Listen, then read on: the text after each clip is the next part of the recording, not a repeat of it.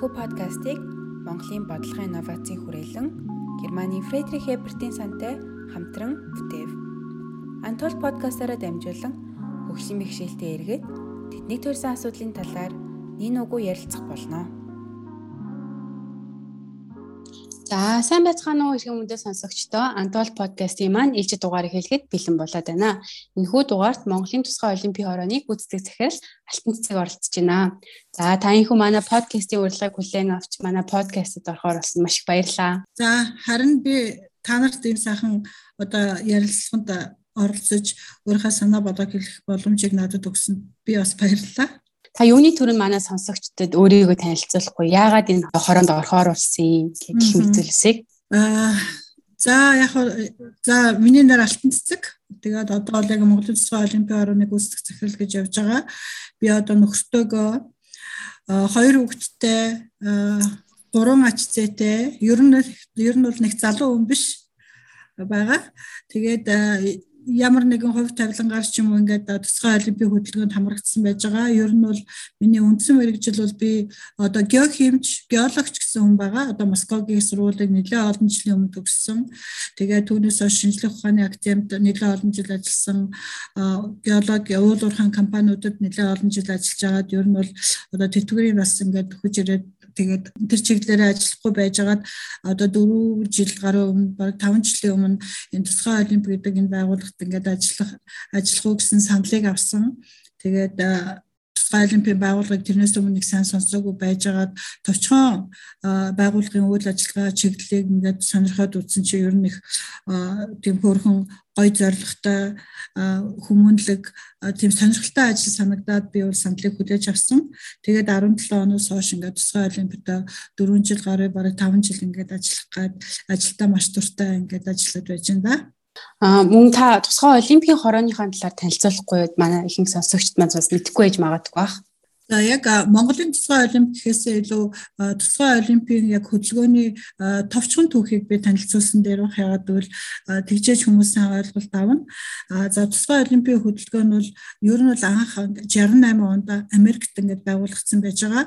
За энэ байгууллагыг байгуулахад Eunice Kennedy Shriver гэж эмэгтэй хүн байгуулсан байж байгаа. За энэ эмэгтэй хүн бол ер нь бол нөгөө Америкийн улс нэгдсэн улсын ерөнхийлөгч байсан John Kennedy гэж байдаг шүү дээ. John Kennedy-гийн эмэгтэй дүү юм байгаа юм Джон Кеннедигийн гэр бүл чинь угаасаа 9 хүүхэдтэй айлын гэр бүл юм байлаа.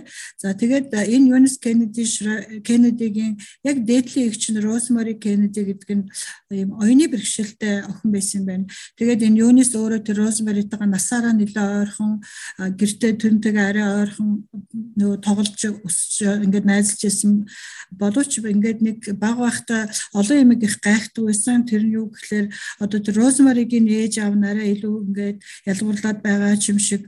Гэр бүлээрээ ийшээ тийшээ одоо найз нөхдөр ч юм уу зочдоор очиход тэр охиныг нь үлдээдэг ч юм уу.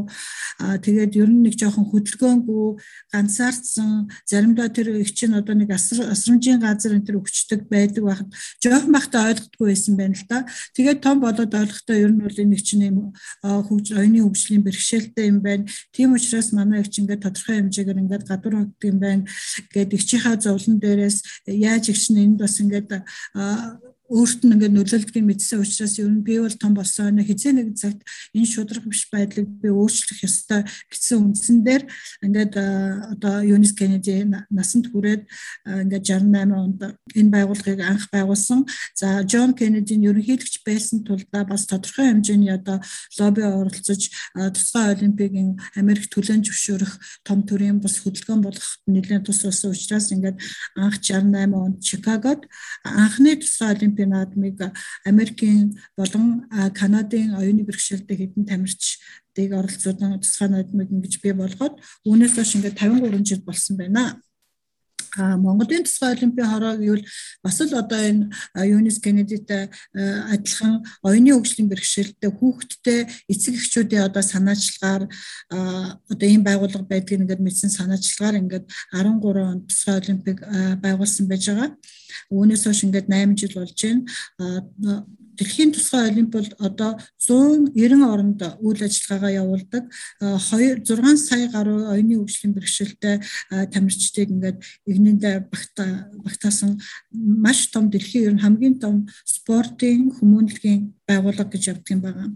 Монгол байгуулагдсанаас хойш одоо 2500 гаруй оюуны хөгжлийн бэрхшээлтэй одоо хүүхэд залуус насан туршидыг игнэндээ багтаагаад олон зуун одоо залуучууд сайн дурын ажилчид эцэг эхчүүдийг бас ингээд энэ үйл ажиллагаанд оролцуулсан нэлийн том төрийн бас яг нэлийн том жоо нэлийн идэвхтэй төрийн бас байгууллага байгуулсан байж байгаа.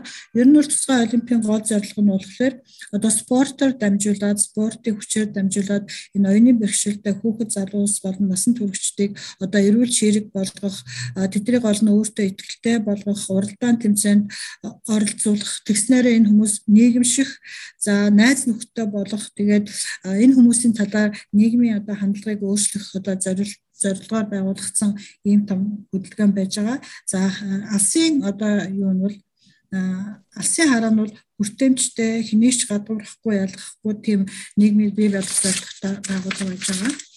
За манай тусгай олимп болохоор ер нь бол төрийн бас байгууллага гэж би хэлсэн байж байгаа. Нэг 5 хүн л яг ажилтдаг юм манай дээр. Тэгээд боловч бид нар бол нэлээд олон чиглэлээр үйл ажиллагаагаа явуулдаг. Энд түрүү хэлснээр залуучууд, сайн дурын залуучууд болон эцэг эхчүүд маш их тусалдаг байж байгаа.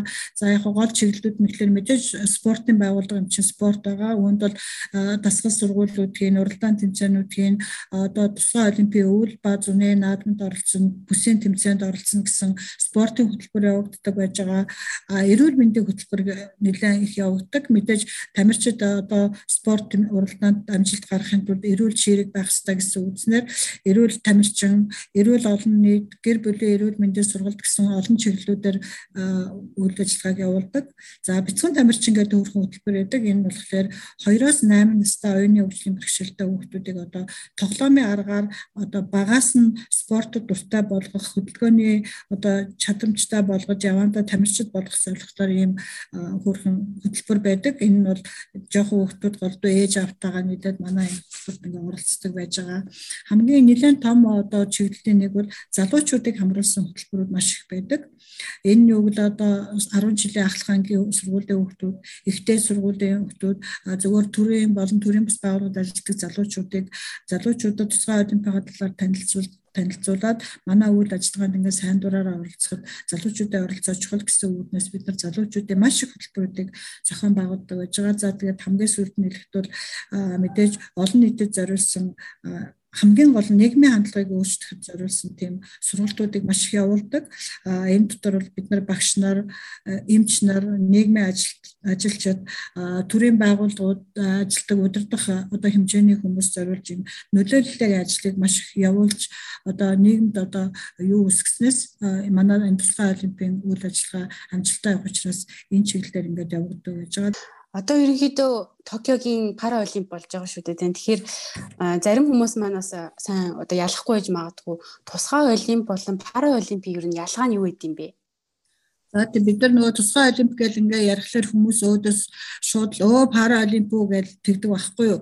Тэгэл яг тэр болгонд нь бид нар бол э, эхлээ жоохон эмзэгэлдэг байсан. Дараад нь бол мэдээж энэ хүмүүс ямар нэгэн мэдээлэлгүй учраас л биднээс ингэж асууж байгаа байх гэж одоод ингээ тайлбарлахыг хичээдэг.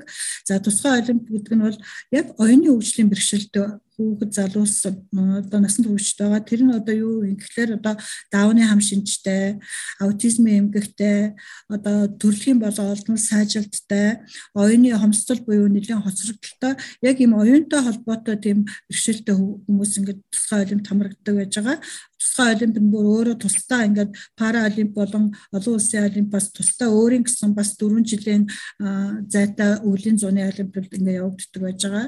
За пара олимп та нар одоо яг мэдж байгаах зурагтаар гарч байгаа. Энэ нь болохоор ерөнхийдөө бол голдуу одоо төлбөр эрхтний бэрхшээлтэй харааны сонсголын хэл ярианы гэсэн тэгээ асал аваард ороод ямар нэгэн бэрхшээлтэй болсон ийм одоо энэ одоо юу паралимп гэж нэрлэдэг байж байгаа. Тэгээд паралимп тусгай олимп байгуулагдсан он сарн ч гэсэн өөр одоо манай тусгай олимп 68 онд байгуулагдсан бол яг паралимп паралимп албан ёсоор 89 онд ингээд байгуулагдсан байж байгаа. Тийм болохоор ялгаа их. За пара олимпиад нөгөө олон улсын олимп шиг элит тамирчид гэж ярьдаг шүү дээ. Бүр хамгийн одоо мундаг тамирчдыг ингээ шалгууруулад олон уралдаанд тэмцээн болж байгаа тийм тамирчдаа явуулдаг бол тусгай олимпийн нэг жоохон ялгаа нь юу гэхээр одоо яг тусгай олимпийн тамирчдын хөгжиж янз янзын чадвартай байгаа учраас тэр дундаас чадвартайгуудын биш өөрийнхөө тэр одоо тодорхой хүүхэд өөрийнхөө хийж чадах чадамжийнхаа дээд хэмжээгээ гаргаад үзүүлж байгаа үзүүлэлтээр нь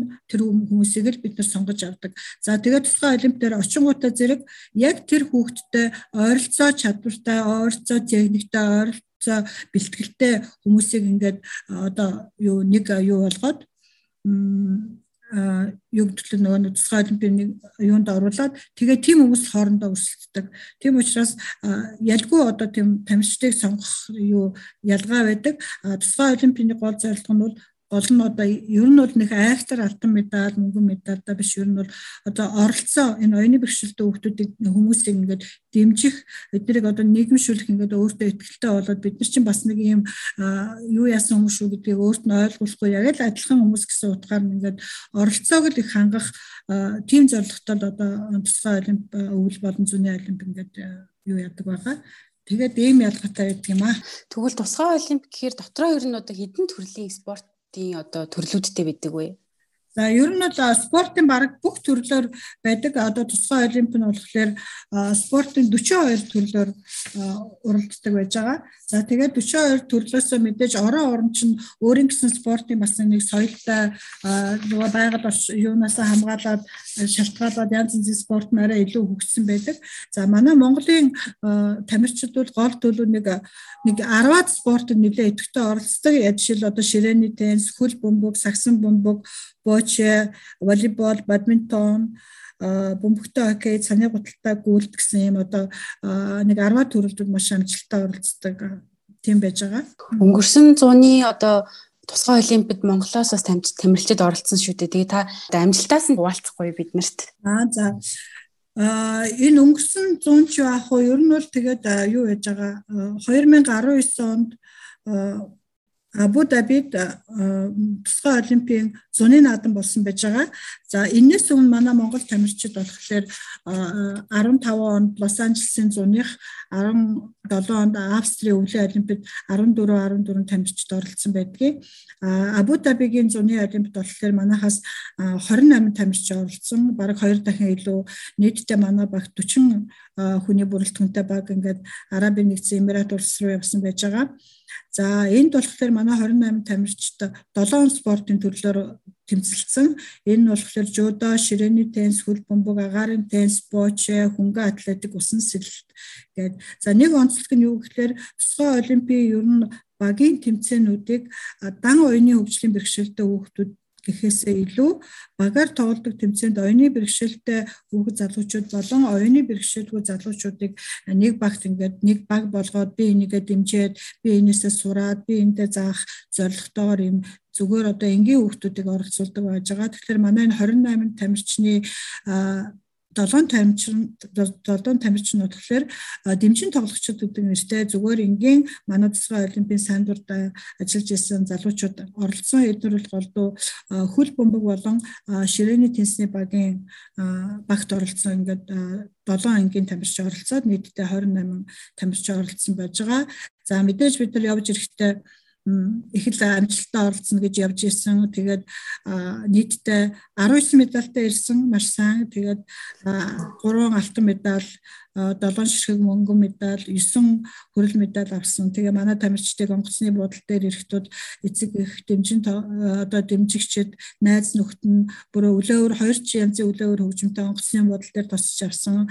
За дөнгөж ирснийхэн дараа тэр үед одоо Монгол Улсын ерөнхийлөгчөөсөн Батулга хөдөлгөө юу боловсролын сайд, нийгмийн хамгааллын сайд нар засгийн газрын ордонд манай тамирчдыг хүлээж авч бүгдээрэнд нь баяр хүргээд урамшуулаад удаад дараа дараад нь ер нь дэмжин гэдэг ингээд манай хүүхдүүдэд маш сайхан одоо тийм урам дэмэг өгж манай зуны олимпийн наадам ингээд дууссан байж байгаа.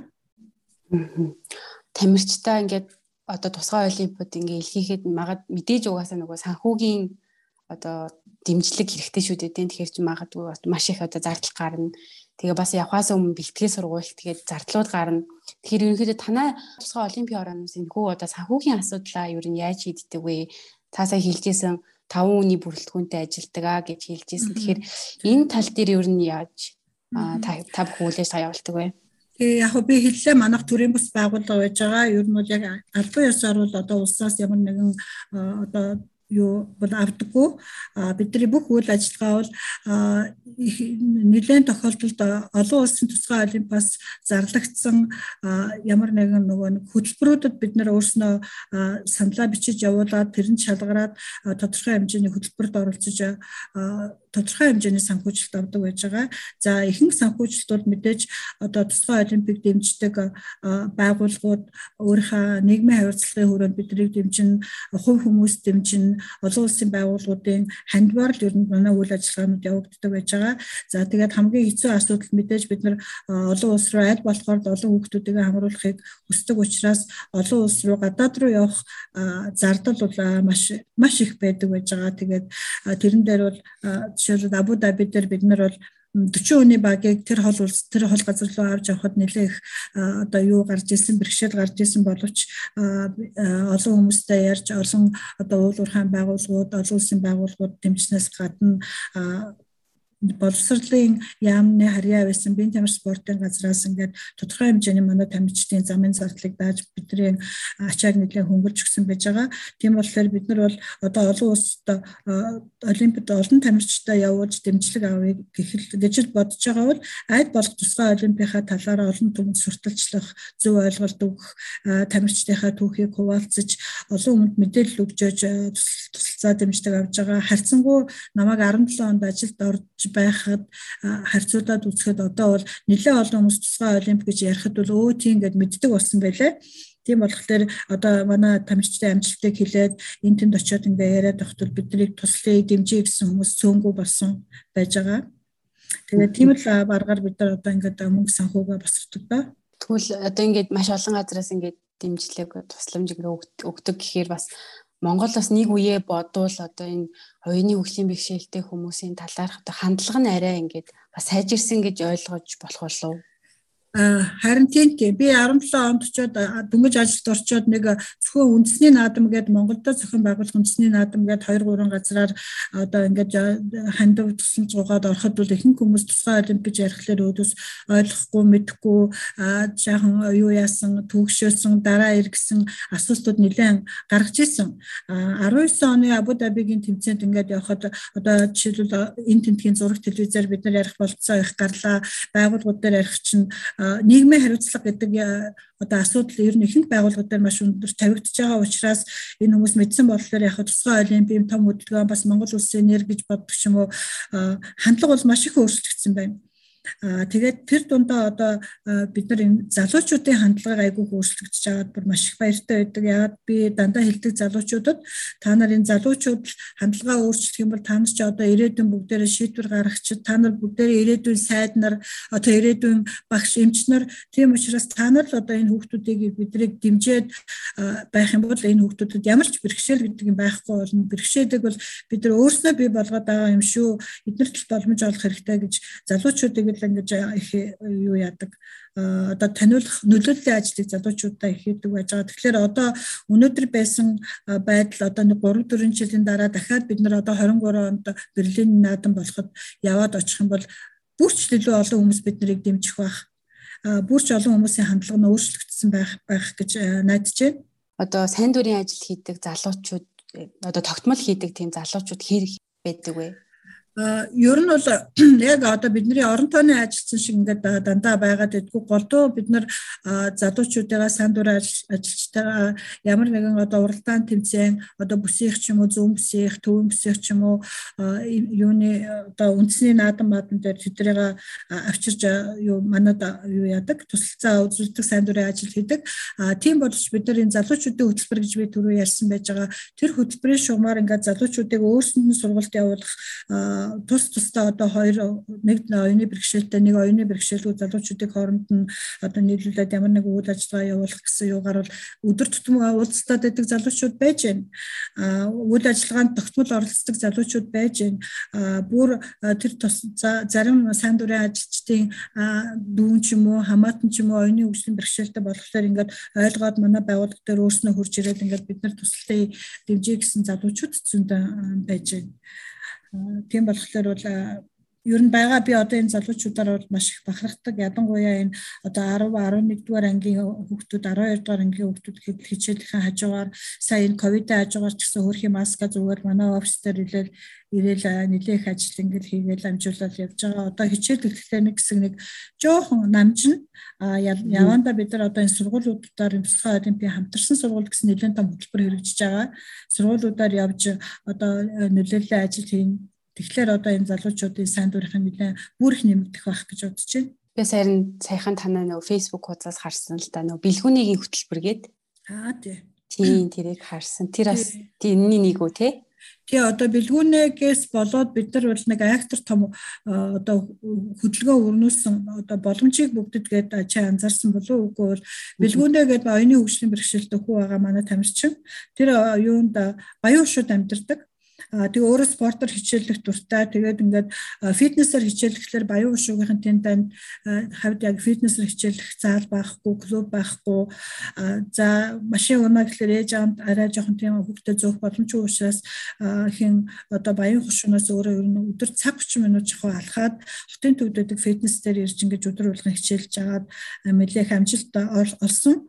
Тэгээд улсын тэмцээн хэмцээнд оролцдог болсон. Тэгэхээр энэ хүүгээс бид нар одоо үдээд ер нь энэ гэр хорооллын хооллын одоо аслагдсан дүүрэг мөрөгт байж байгаа сургуульд явдаггүй оюуны хөгжлийн бэрхшээлтэй хүүхдүүдийг яаж спортод ингээд одоо хамруулах уу гэж бодоод боломжийг бүгд гэдэг айныг энэ Европын сэргээн босголт хөгжлийн банктай нодлон ингээд хийгээд тодорхой хэмжээний мөнгө босгосон. Тэгээд энийгээ бид нар яах гэж байгаа гэхээр одоо Улаанбаатар хотын бүр тэр хаасан толгойтд ч юм уу, надах ч юм уу байгаа ямар нэгэн хороо юм уу дүүргийн ойролцоох спортын клуб эсвэл сургуульд ч юм уу нэг заадаг тодорхой хэмжээгээр спортын манай тамирчдын хичээлдэг спортын тоног төхөөрөмжийг өнгөө авч байршуулдаг ч юм уу бие тамирын заадаг тогтчуулаад өнгөө өгөөд оронд нь тэнд байгаа багш нартай болон одоо удирдах хүмүүст нь яаж та нар одоо энэ хавьд амьдардаг одоо 20 21 хорооны оюуны хөгжлийн бэрхшээлтэй дамжчдыг 7 хоногт 2-оос одоо 3 удаа үнгүй хичээллүүлэх тийм гэрээгээр ажиллахаар болж байгаа. За мэдээж тэгж ажиллах байгаа багш нарыг бид нар тусгай олимпиахаас сургалтанд хамруулна. Ийм хүмүүстэй яаж ажиллах талаар ингээд зөвлөгөө өгнө. За тэгээд үүнээс гадна хөдөө орон нутгийн зарим нэг одоо сүмдэд юм аймагуудад яг юм боломжийг бүгдд гэдэг энэ төслийнхаа хүрээнд бас төслүүдийг хэрэгжүүлнэ гэдэг ингээд одоо энэ эхлээд тодорхой хэмжээний мөнгө ингээд сугларсан байж байгаа. Энэ ажлаа эхлүүлэх гээд байж байна.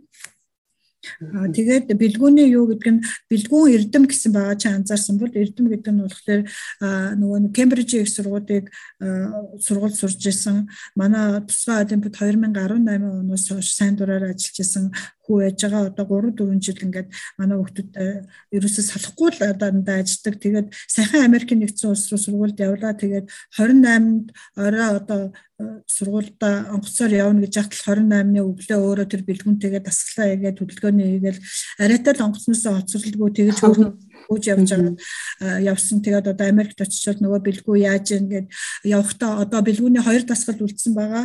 Тэрнийг өөрийнхөө дүү Ананд гэдэг дүүдээ ингээд даалгавар өгчөөд одоо дүү нахихаа юу ингээд үргэлжлүүлээд манай тамирчтай ингээд энэ наад хөтөлбөрийг чинь хийгээд ингээд явж байгаа манад ажилласан сайн дурын ажилчид бол ихэнхдээ ярихдаа өө бид нар одоо оюуны хөгжлийн бэрхшээлтэй хүүхдүүдтэй яаж ажиллана тэднэрт яаж ойлгуулна тэд нар юм сурах болов гэж айж имэж ирсэн хүүхдүүд бид нар тэгдэг байсан гэж ярьдгийн. А тэгээд эднэртэй одоо найзлаад нөхөрлөөд олон арга хэмжээ явуулсныхаа дараа хэлэхдээ өө бид нар эднээс юм юм бид нар эднээс зааж өгөхөөсөө илүү бид нар энэ хүүхдүүдээс маш их юм сурлаа.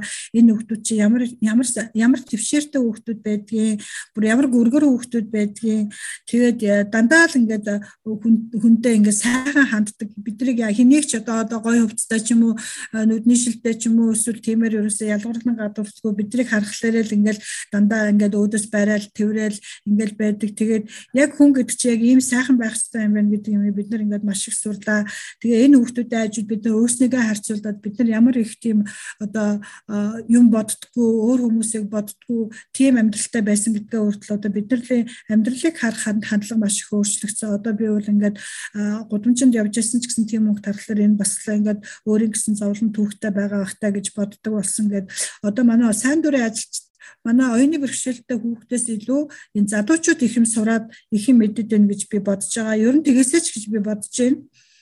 Тийм болохоор ингэж сайн дурын ажилчдын нөлөө залуучуудын нөлөө бол зөвхөн манай тамирчид биш өөрсөнд нь маш их нөлөө өөрсдийн цаашдаа амьдралт нь маш их нөлөөтэй одоо болж байгаа гэж би найдаж байгаа. Тэгэхээр ингээд өнөөгийн Монголын нийгэмд бол одоо ингээд танай холбоо болон танай холбооны тамирчид ингээ яг ингээд тулгараад байгаа яг тулгамцсан асуудлууд яг юу байдаг вэ? Тэгээд За тэгэл тулгамцсан асуудал гэж ярихлаар чинь тоо баршгүй зөндөөл юм яригддаг юм л да. Ер нь бол манай Монголд нэг 110-аад мянган ер нь л хүчлийн бэрхшээлтэй гэсэн одоо хүмүүс байдаг юм байна. Аа тэгээд дэлхийн эрүүл мэндийн байгууллагын судалгаагаар бол ямар нэгэн улс орны хүн амын 2-оос 3% нь оюуны хүчлийн бэрхшээлтэй гэсэн нэг тийм дундаж тоо байдаг юм байна л да. Тэгээд одоо манай хүн амын 2% гээд хамгийн багаар нэг бодоход манай Монголд бол нэг 60-аад мянга гаруй энэ оюуны хөгжлийн бэрхшээлтэй хүмүүс хүүхэд залуучууд насан туршид байдаг юм байна. Гэхдээ хүн амынхаа юуг бодгодод ихэнх нь залуучууд болж таарад байгаа. За тэгээ чи мэдчил байгаа бах манай Монголд тусгай тусгай 6 сургууль байдаг. Тэрний дөрвөн сургууль нь болохоор яг одоо оюуны хөгжлийн бэрхшээлтэй дөрвөн сургууль байдаг. Энэ дөрвөн сургуульд нэг 1600 орчим сурагчид байдгийг тэгэхээр цаана одоо ингээ бодоход 40 50 30 40 50 мянган одоо хүүхэд залуучууд ямар ч юмд сургуульд орохгүй ажил хийхгүй ямар ч юмд хамрагдахгүй байна гэд бодоод үзэхлээр их л хамсмар тоо одоо биднес санагддаг л да. За тэгээд мэдээж хөгжлийн бэрхшээлтэй хүмүүст ер нь тохиолддог бүхэл бэрхшээлүүд манай хүмүүс бас л адилхан тохиолдож байгаа тий. Одоо хүртээмжтэй боловсролоос ахуудаад хүртээмжтэй эрүүл мэндийн үйлчилгээнээс ахуудаад хүртээмжтэй нийгэмд оролцох, ажил хөдөлмөр эрхлэх гэх юм асуудал зөндөө бүгдээрэнд нь байгаа. А яг хөө зүгээр тусгай олимпийнхаа үгээс чигээс ихтэл манай тусгай олимп нэгэнд спортын байгууллага юм чинь бид нар юу гэж боддог гэхээр одоо манай оюуны хөгжлийн бэрхшээлтэй хүмүүсийг яаж яаж спортоор одоо хүртээмжтэй одоо бүх хүмүүст ингээд боломжийг нь олгоод спортоор хичээлж ядтаа нэг тэр хөдөлгөхгүй байгаа биеийг булчингаа хөдөлгөж одоо цусныхаа хангамжийг одоо сайжруулсан тэр чинь бас тархинд нөлөөлдөг учраас өөрснийх нь одоо байдалд нь ч гэсэн эрүүдэнд нь ч хэрэгтэй. Тэгээд олон найз нөхдөд болж байгаа. Яаж энийг өөрчлөх гэсэн одоо тийм бэрхшээлүүд их байдаг. Ямар ч газар одоо манай оюуны хөгжлийн бэрхшээлтэй хүүхдийг ээж аав давуулаад ингээд ууланд оруулъя гэхлээр яг хөө багш нар нэг ихний нэг хоёр удаа авах нь авдаг юм шиг байна. Тэгэл явандаа нөгөө зүгээр эрүүл хөвгтүүдтэйгээ одоо өсөлтөгч юм уу тийм чадвар байхгүй янз янзаас болоод одоо ингээл хасагдаал ирдэг. Тэгээд эцэг эхэн тэр хөвгтүүдтэйгээ үргэлж тэр одоо дагуулад заавал нэг хүнтэй явж тэр хөвгтүүд бол ганцаараа ирнэ гэж байхгүй.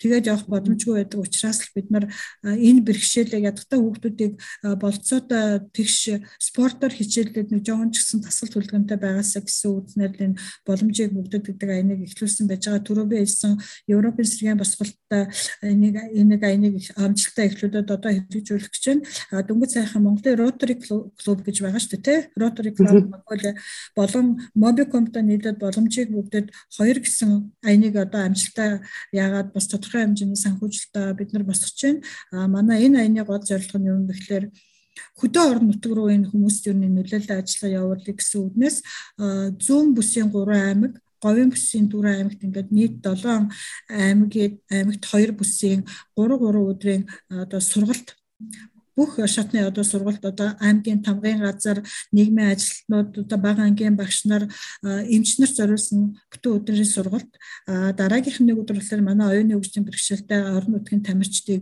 зүгээр тамирч зөвхөн одоо эрүүл залуучуудаа нийлүүлсэн хамтарсан спортын өдрлөг тэрнийхээ хажуугаар бид нар дандаа эрүүл мэндийн үзлэгийг хийчдэг байхгүй бас залинд болоод хүүхдүүдээ эрүүл мэндийн үзлэг а 3 дахь өдөр нь болохоор орон нутгтаа албан ёсоор одоо эрүүл мэндийн байгууллагатай тамгын газартай бие тамирын газартай орон нутгтаа тусгай олимпийн талаар танилцуулаад та нар одоо бидний ийм үйл ажиллагаа эхлүүлээ та нар ер нь одоо аймгийнхаа болон одоо энэ санхүү юу тодорхой хэмжээний санхүүжилт хөрөнгө мөнгө гаргаж манай ноёны хөгжлийн бэрхшээлтэй хүүхэд залуучуудыг одоо дэмжиж ийм одоо үйл ажиллагааг явуулж байгаараа гэсэн маягтай одоо санамж бичиг зурах тийм үйл ажиллагаа их юм нэг нь одоо доромтод олон зүүн бүсэх говийн бүсэн 70 задагтад өмнө говьд болно. Ингээд ийм юмнуудыг төлөвлөчөд байж байгаа. За одоо харамсалтай нь ковидын байдал бас эвгүй болох гэтэл тэгээд 9 сарын 20 дээр хийх ёстой байсан юмнууд нь хойшлогдох нь яах нь хэрвээ гайгүй бол одоо бид нар ийм хоёр бүс нэлээд том ажил хийх гэдэг ингээд бас төлөвлөсөн байж байгаа. Та сая ковид гэрлээ. Ерөнхийдөө ковид цар тахлын нөлөө ер нь хэр хүнд тусч байна? За ковид зар тахлын нөлөөч одоо ганцхан манай тусгай адимтч биш одоо бүхэл газар бүхэл сургууль соёл улс орноор ингээд явчлаа. Тэгээ ялангуяа манай оюуны хөгжлийн бэрхшээлтэй ялангуяа даунтай хүүхдүүдэн төр болохоор дандаа тийм давхар бас бас өөр одоо онцтой байдаг одоо зүрхний их ч юм уу одоо янз бүрийн тийм учраас хэрэг манай энэ хүүхдүүд ч юм уу тусах юм бол арай илүү хүнд тусах учраас бид нар энэ дээр бол маш болгоомжтой зөвхөн одоо эрүүл хүүхдүүдээс илүү маш болгоомжтой хандах хэрэгтэй байдаг учраас бид нар бол энэ жил одоо сүүлийн баг 2 жил шахуу айхтар уралдаан тэмцээн зохиогоод олон орон цуглуулах болцоо гарсангүй. За тэгээд сайн нэг жоохон гайгүй болоод байж 21 онд болох өвлөө олимп маань 22 онд болцсон байсан. Тэгээ 22 оны 1 сард оролцсон гэдэг манай 16 тамирчин одоо бэлтгэлтэй бэлтгэлээ эхэлчээд байж итэл одоо 2 хоногийн өмнө 22 оны өвлөө олимп маань дахиад нэг жилээр хойшлогдоод ингээд 23 оны 1 сард ингээд болчлоо. Аа тэгэл одоо ингээл иймэрхүү байдлаар маш нөлөөлж байна. Тэгээ яг зөвхөн олимпч биш бид нар улс дотроо Монгол дотроо хөдөө орон нутгад явуулах тэмцээнүүдэд явуулж чадахгүй да маш их харамсаж байна. Манай офисын утас бол үргэлжил утсаар ингээд нөгөө мөн хүүхдүүд маань л яриад тэмцээн эзээ болохын тэмцээн эзээ болох ингээд ингээд ярьдгийн тэгэл зарим нь ойлгодгийн зарим нь ойлгохгүй. Бид нар юм хийхгүй байгаа зарим нь гомдгийн тэгэл ээж аавд нь бид нар тайлбарлана. Тэгээ яг хөө бид нар нодлон онлайнаар нэлээд одоо нөгөө нэг виртуал тэмцээн мэдсэн нэлээд явуулж үзсэн тэгээд болцоотой одоо компьютертэй онлайнаар ингээд ээж аав нь хажууд нь суугаад оролцуулах хүүхдүүд нь оролцож байгаа юм.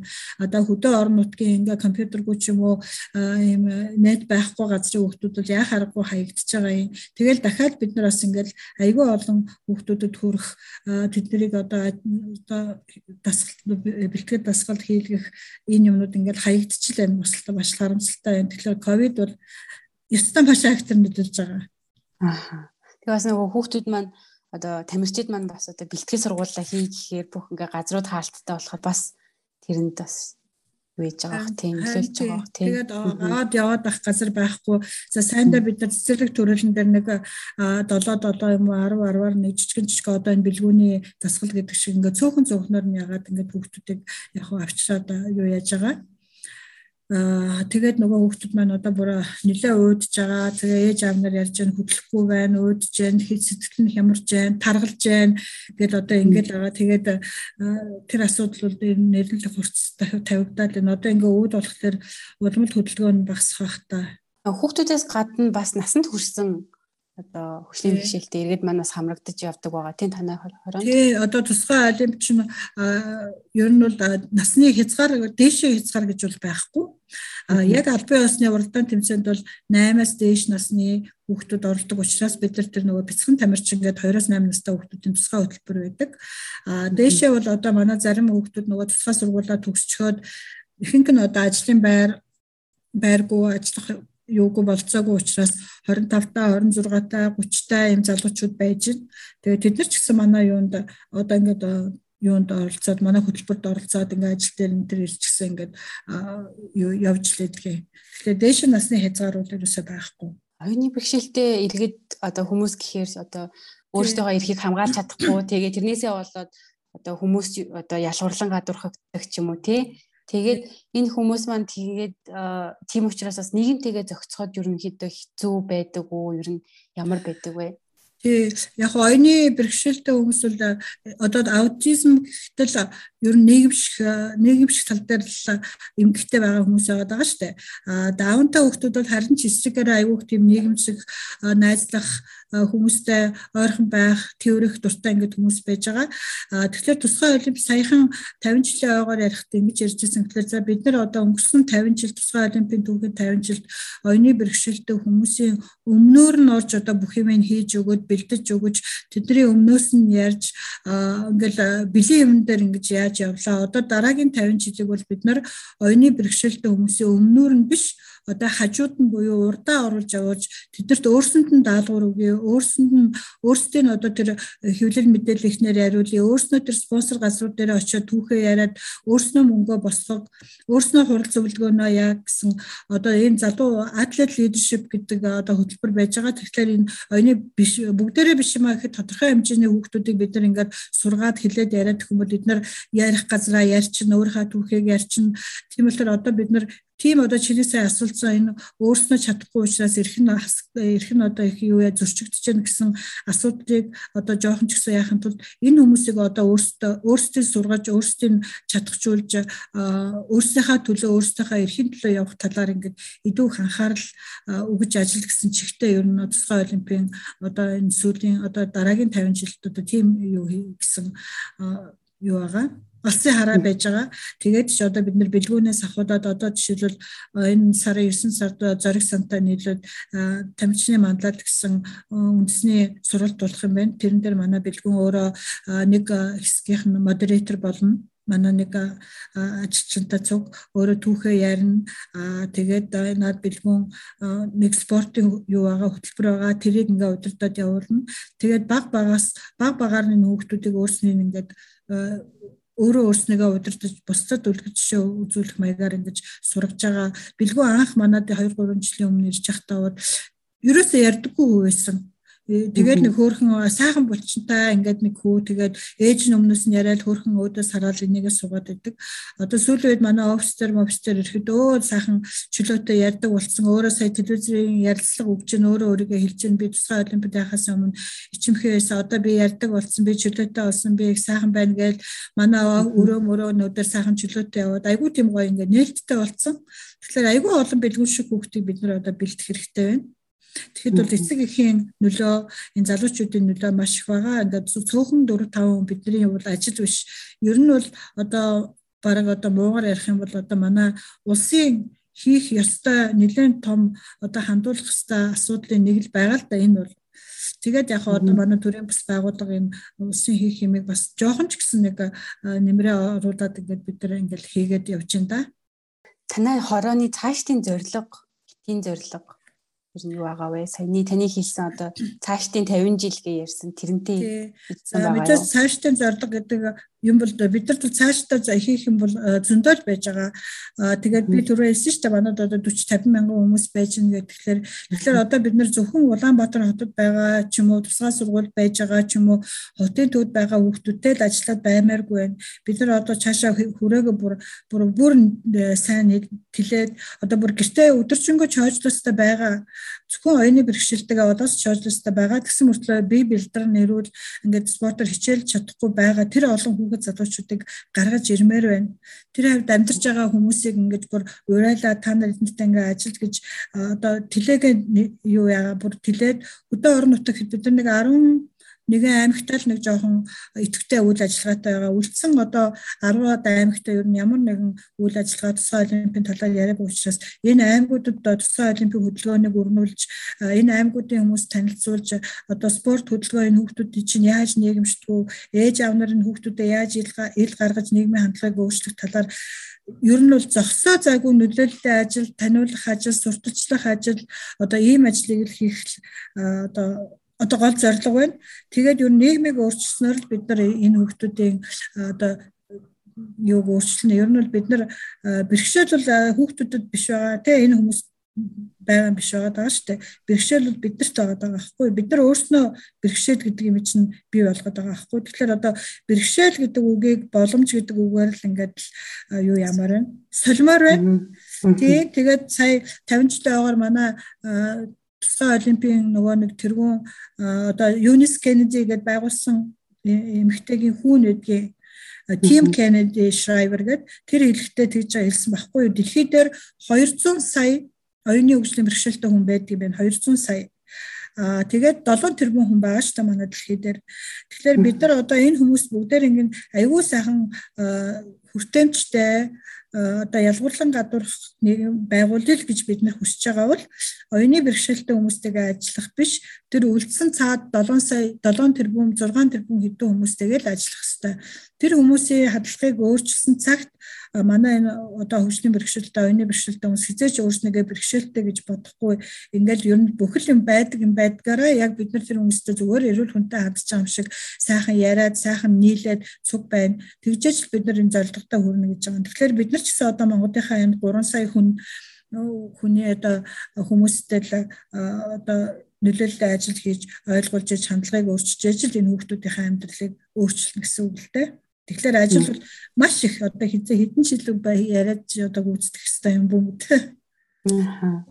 Та анх олимпийн одоо тусгай олимпийн хороонд анх ажилд орохоос өмнө боллоо.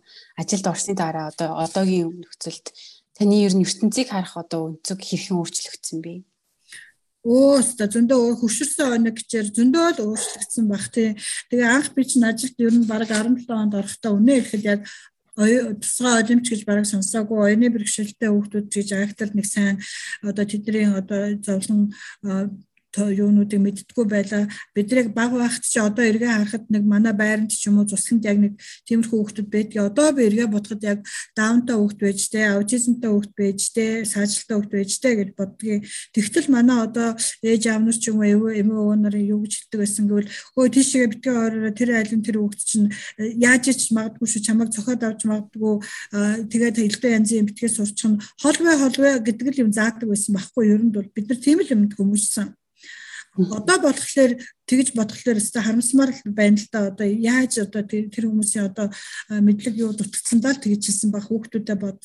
Одоо л эцэг эхчүүд бол өөр болсон байна ялангуяа залуу ээж ам нар хүүхдүүдэд тайлбарлаж өгөөд хандлагыг өөрчилсөн байна.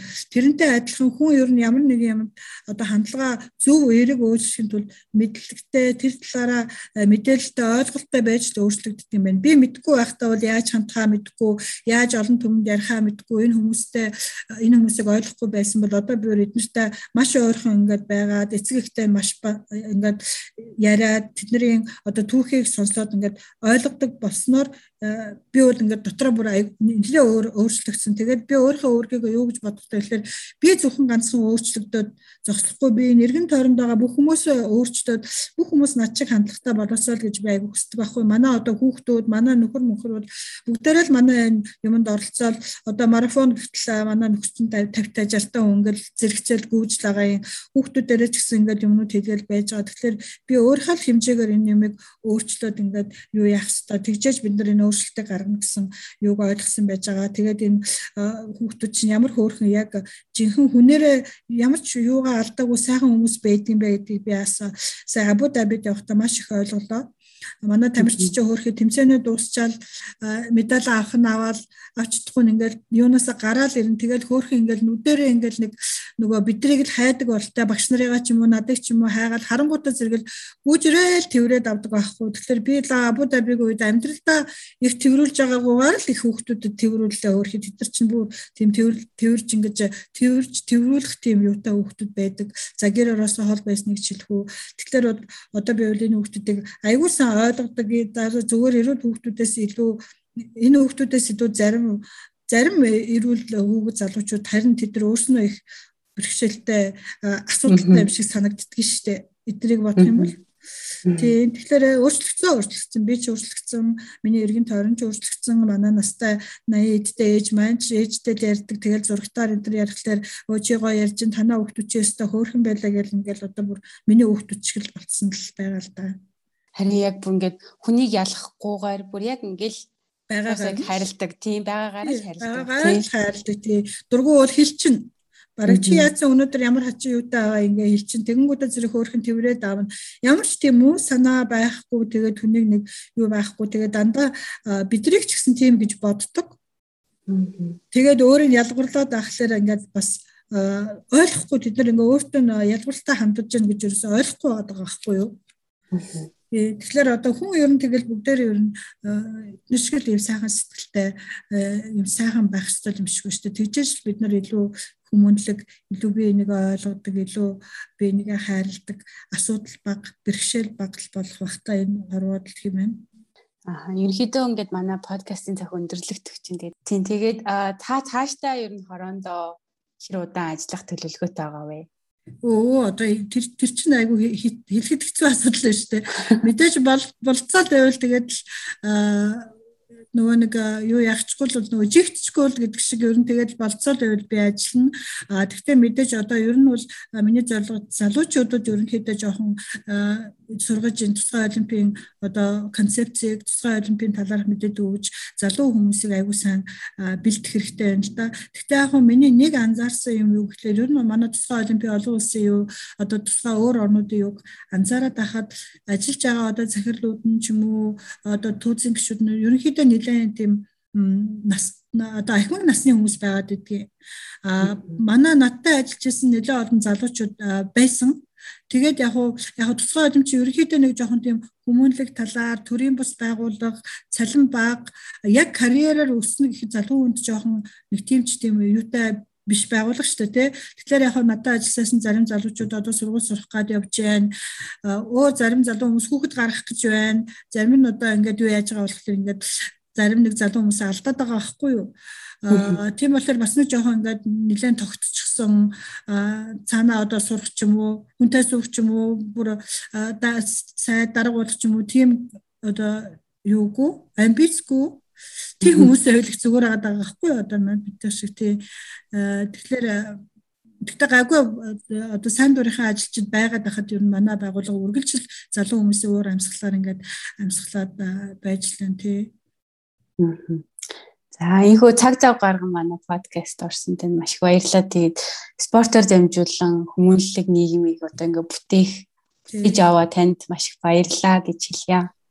За баярлалаа баярлалаа. Тэгээд цанаа энэ подкастыг сонсдог хүмүүс одоо сонсогчд байвал тодорхой хэмжээгээр тэд нар тэдний одоо хандлагач гэсэн жоон ч гэсэн нэг хоёр хүнд ч гэсэн өөрчлөлт өгсөн бол би энэ одоо ярилцлагынхаа үр дүн гэж ойлгож байна. Тэгээд чамд ч гэсэн баярлалаа. Чиний ажилд бас амжилт хүсье. За баярлалаа. Нэрэд нөгөө одоо танад сайн дурын ажил хийхийг хүсэж байгаа одоо залуучууд яаж юу н холбогдох вэ? Аа манай Special Olympics Mongolia гэдэг Facebook хуудас байж байгаа.